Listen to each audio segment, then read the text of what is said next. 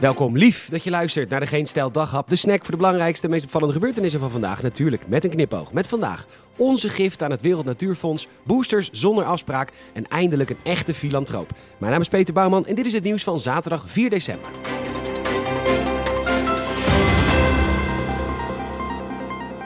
Ja, het is echt ontzettend leuk, nieuw en ludiek concept. 3FM heeft dus bedacht dat ze een soort van huis neerzetten in Amersfoort. En daar zetten ze dan wat DJ's in en die mogen dan niet eten en zo. Dan weten zij hoe het is in arme landen waar DJ's honger hebben. Echt zo leuk.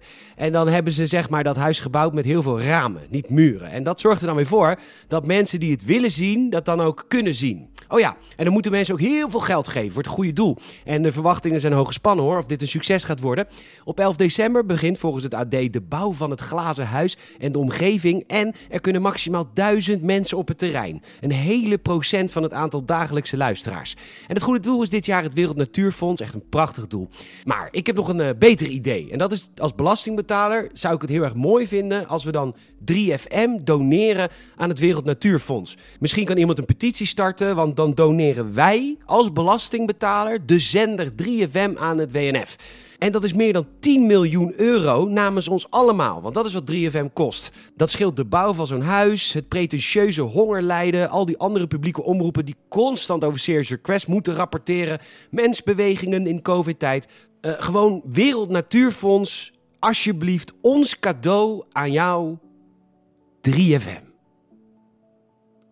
Je mag hem niet ruilen, nee. Nee, nee ook heb je de bon nog, dat, hij is voor jou. Doe ermee wat je wil, alsjeblieft. 3FM.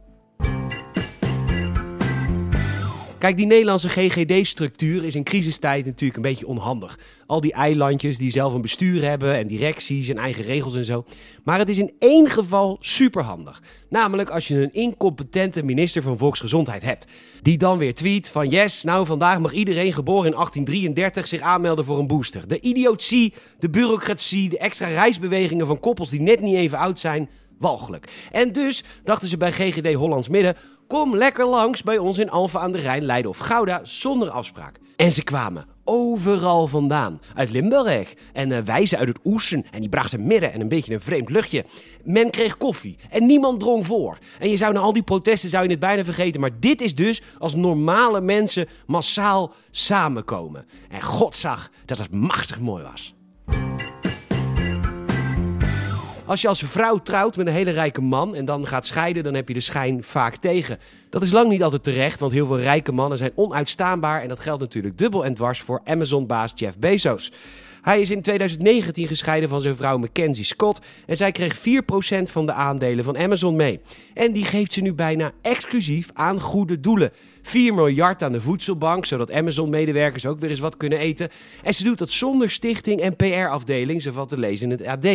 En nu begint het gezeik, want andere filantropen die vinden dat ze te veel aan kleine organisaties geeft, want die kunnen niet met dat geld omgaan. Ja, zo'n voedselbank zal van de schenkingen echt alleen maar echt nuttige dingen kopen als ruimtevaartprogramma's.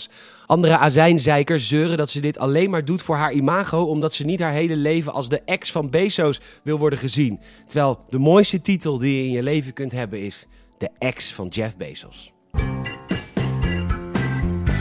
Van harte gefeliciteerd Jan Smit. Hij wordt commercieel directeur bij FC Volendam. Geweldig nieuws.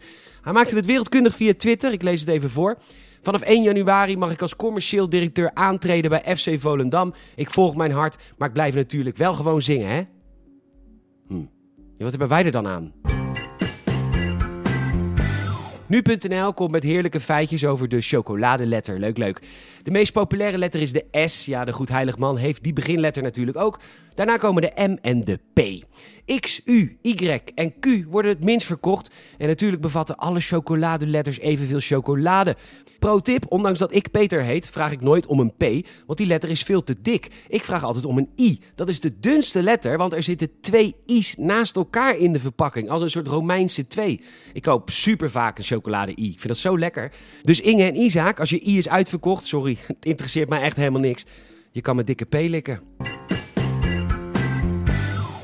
Bedankt voor het luisteren. Je zou enorm helpen als je een vriend of vriendin vertelt over deze podcast. Mag ook familielid zijn. Je kan een Apple Podcast review achterlaten. Vijf sterren alsjeblieft. En volg ons ook even via Spotify. Dan krijg je altijd een hartje als er een nieuwe dag op verschijnt. Nogmaals bedankt voor het luisteren. Morgen ben ik er niet. Tot maandag.